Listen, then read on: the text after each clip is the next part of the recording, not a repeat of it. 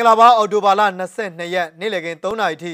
ဝန်နိုရဲ့ဖိုင်ရဲ့နောက်ဆုံးရသတင်းတွေကိုတင်ဆက်ပေးပါတော့မယ်မန္တလေးအထူးပျောက်ကြားတက်စခန်းစီးနင်းခံရတဲ့အချိန်ပျောက်ကြားတက်ဖွဲ့ကတက်စိတ်မှုကြာဆုံးသွားရတယ်လို့သိရပါတယ်မုံမောင်မြို့မှာတော့စစ်ကောင်စီတပ်နဲ့ KIA တိုက်ပွဲဖြစ်ပွားနေပြီးတနက်တန်တွေကိုမြို့ထဲကနေကြားနေရပါတယ်ဓမောဆိုမှာတော့စစ်တပ်ကမြို့ထဲကိုလက်နက်ကြီးတွေနဲ့ပစ်ခတ်လို့နေအိမ်တွေပျက်စီးနေရပါတယ်ဒီသတင်းတွေနဲ့တို့ဒီကနေ့နေ့လယ်ပိုင်း3နာရီထိ နောက်ဆုံးရရှိတဲ့သတင်းတွေကိုတင်ဆက်ပေးမှာပါခင်ဗျာပထမဆုံးအနေနဲ့တင်ဆက်ပေးခြင်းတဲ့သတင်းတစ်ပုဒ်ကတော့မန္တလေးတိုင်းအထူးပြောက်ကြားတပ်ဖွဲ့ MSTF ရဲ့အခြေစိုက်စခန်းတစ်ခုကိုစစ်ကောင်စီလက်နက်ကင်တွေစီးနင်းတိုက်ခိုက်ချိန်အချိန်ကပျောက်ဆုံးနေတဲ့ပျောက်ကြားတပ်တပ်စိတ်မှုကြာဆုံးသွားပြီဖြစ်တဲ့အကြောင်း MSTF ကဒီကနေ့အော်တိုဘာလ22ရက်မှာသတင်းထုတ်ပြန်ထားပါတယ်စစ်ကောင်စီတပ်ဖွဲ့အင်အား180ခန်းလောက်ဟာ ဒလန်သတင်းပင်းဘူးနဲ့အတူမန္တလေးမြို့နယ်မနီမွေးတနေရာမှာရှိတဲ့ MSTF အခြေစိုက်စခန်းငယ်တစ်ခုကိုပြီးခဲ့တဲ့အော်တိုဘာလ16ရက်နေ့ညနေ4နာရီဝန်းကျင်ကဝင်ရောက်စီးနင်းခဲ့တာလည်းဖြစ်ပါတယ်။စီးနင်းခံရတဲ့အချိန်ပြန်လည်ခုခံမှုပြင်ဆင်ခဲ့ပေမဲ့ကျေးရွာပြည်သူတွေကိုငဲ့ညာတဲ့အတွက်တင်းရှောင်ခဲ့ရမှာတက်စုနှစ်တက်စိတ်တစ်က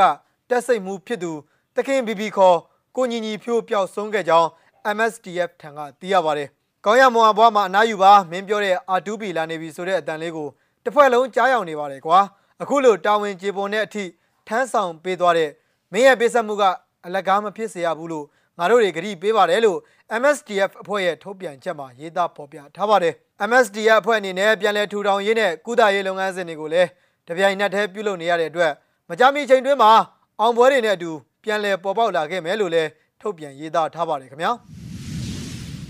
နောက်ထပ်သတင်းတစ်ပုဒ်အနေနဲ့ကချင်ပြည်နယ်မိုးမောက်မြို့နယ် တကောလန်းခွဲမှာဒီကနေ့မနက်ပိုင်း6နာရီခွဲကနေ8နာရီလောက်အထိ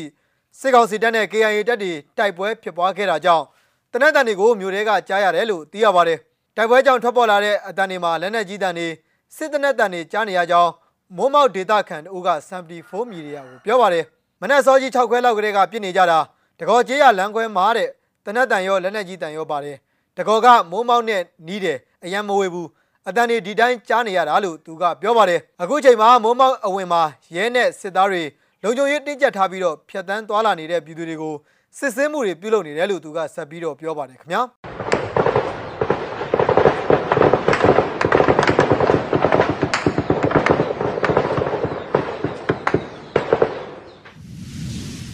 နောက်ထပ်သတင်းတစ်ပုဒ်အနေနဲ့အော်တိုဘာလ22ရက်ည8နာရီအချိန်လောက်မှာ ဓမော့ဆိုရဲစခန်းအနောက်ဘက်မှာရှိတဲ့ဖုန်ကြီးကျောင်းမှာတက်ဆွဲထားတဲ့အကြမ်းဖက်စစ်ကောင်စီတပ်ဖွဲ့ဝင်တွေကမြို့ပေါ်ရက်ကွက်တွေတဲကိုလက်နက်ကြီးတွေနဲ့ပစ်ခတ်လို့ DJ အုပ်စုဈေးကုန်းရက်ကွက်မှာရှိတဲ့ပြည်သူပိုင်နေအိမ်ချို့ထပ်မံပျက်စီးကြောင်းနဲ့မပေါက်ကွဲသေးတဲ့လက်နက်ကြီးတွေကြန့်ရှိနေသေးကြောင်းပြည်သူတွေအနေနဲ့ဂရုစိုက်သွားလာကြဖို့ဓမ္မဆုမြို့နယ်ပြည်သူ့ကာကွယ်ရေးတပ်ဖွဲ့ထံကတတိပေးထုတ်ပြန်ထားပါတယ်။အကြမ်းဖက်စစ်ကောင်စီတပ်တွေတပ်ဆွဲထားတဲ့အဲ့ဒီရဲစခန်းနဲ့ဘုံကြီးကျောင်းကိုမနေ့ကည8နာရီကနေ8နာရီခွဲလောက်အထိ ဂရင်းနီမျိုးသားများကာကွယ်ရေးတပ်ဖွဲ့တရင်ဆက်ကိုကဝင်ရောက်ပစ်ခတ်ခဲ့ပြီးစစ်ကောင်စီတပ်ဘက်ကထိခိုက်ဒေဆုံးမှုရှိကြောင်း KNDF တရင်ဆက်ကိုကသတင်းထုတ်ပြန်ထားပါတယ်ခင်ဗျာဓမ္မဆုမြို့နယ်မှာရှိတဲ့အဲ့ဒီစစ်ကောင်စီတပ်ဟာနေဘက်မှာသာမကဘဲနဲ့ညဘက်တွေမှာပါလက်နက်ကြီးတွေနဲ့ရန်တမ်းပစ်ခတ်မှုတွေရှိနေပြီးတော့မြို့နယ်တွင်းမှာရှိတဲ့ဒေသခံပြည်သူလူထုရဲ့အသက်အိုးအိမ်စီးစိမ်ပေါ်ချင်းချောက်နေခြင်းကြောင့်ဝင်ရောက်တိုက်ခိုက်ရတာဖြစ်တယ်လို့ KNDF တရင်16ကပြောပါတယ် ဒီကနေ့နေ့လယ်ပိုင်းရဲ့နောက်ဆုံးသတင်းတစ်ပုဒ်အနေနဲ့နိုင်ငံတကာသတင်းတွေဘက်မှာတော့အာဖဂန်နစ္စတန်အရေးကိုသင်ခန်းစာယူပြီးမိမိကိုမိမိကာကွယ်ဖို့နေတိုးအဖွဲ့ကတိုက်တွန်းလိုက်တယ်ဆိုတဲ့ AFP ရဲ့သတင်းတစ်ပုဒ်ကိုလည်းဆက်လက်ပြီးတော့တင်ဆက်ပေးကြပါမယ်ခင်ဗျာ။အော်တိုဘာလ22ရက်ကြာသပတေးနေ့က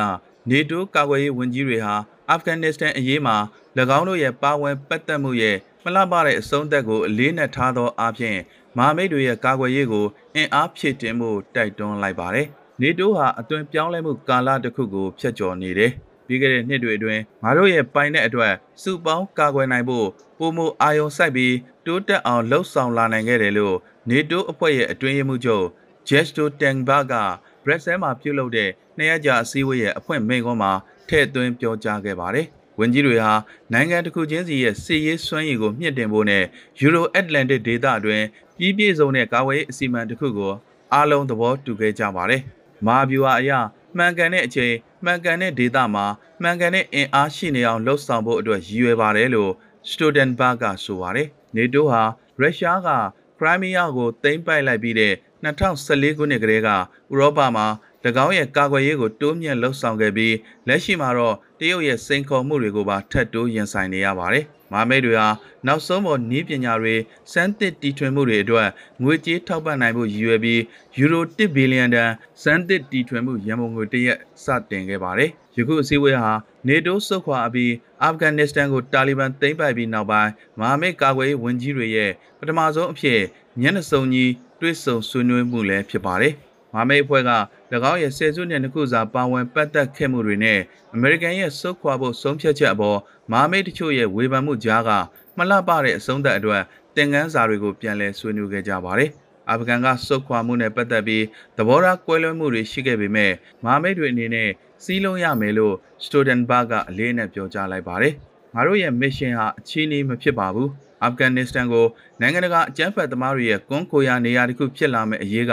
ကာကွယ်တားဆီးနိုင်ခဲ့တယ်လို့ ဘယ်နေတိုးမဟာမိတ်နိုင်ငံကိုမှအနှစ်20အတွင်းတိုက်ခိုက်မခံရအောင်ကာကွယ်နိုင်ခဲ့တယ်လို့သူကဆိုပါတယ်။ငါတို့အားလုံးသတိနဲ့ရှင်ပြီးဒီအကျိုးရလဒ်တွေကိုထိမ့်သိမ်းထားရမယ်လို့နေတိုးအတွင်းရမှုချုပ်ဂျန်စတိုဒန်ဘာကဆိုပါတယ်။အော်တိုဘာလ22ရက်နေ့လည်ခင်း3နာရီထိနောက်ဆုံးရရှိခဲ့တဲ့သတင်းတွေကိုတင်ဆက်ပေးခဲ့တာပါ။ One Way FM ကိုအဆောင်မျိုးနားဆင်ကြတဲ့ပြည်သက်အပေါင်းကိုစိတ်နှပြကျမ်းမာချမ်းသာကြပါစေလို့ဆုမွန်ကောင်းတောင်းလိုက်ရပါတယ်။ထူးခြားတဲ့သတင်းတွေနဲ့အတူကျွန်တော်တို့မကြခင်မှာ ပြန်လည်ဆုံတွေ့ကြပါမယ်ခင်ဗျာ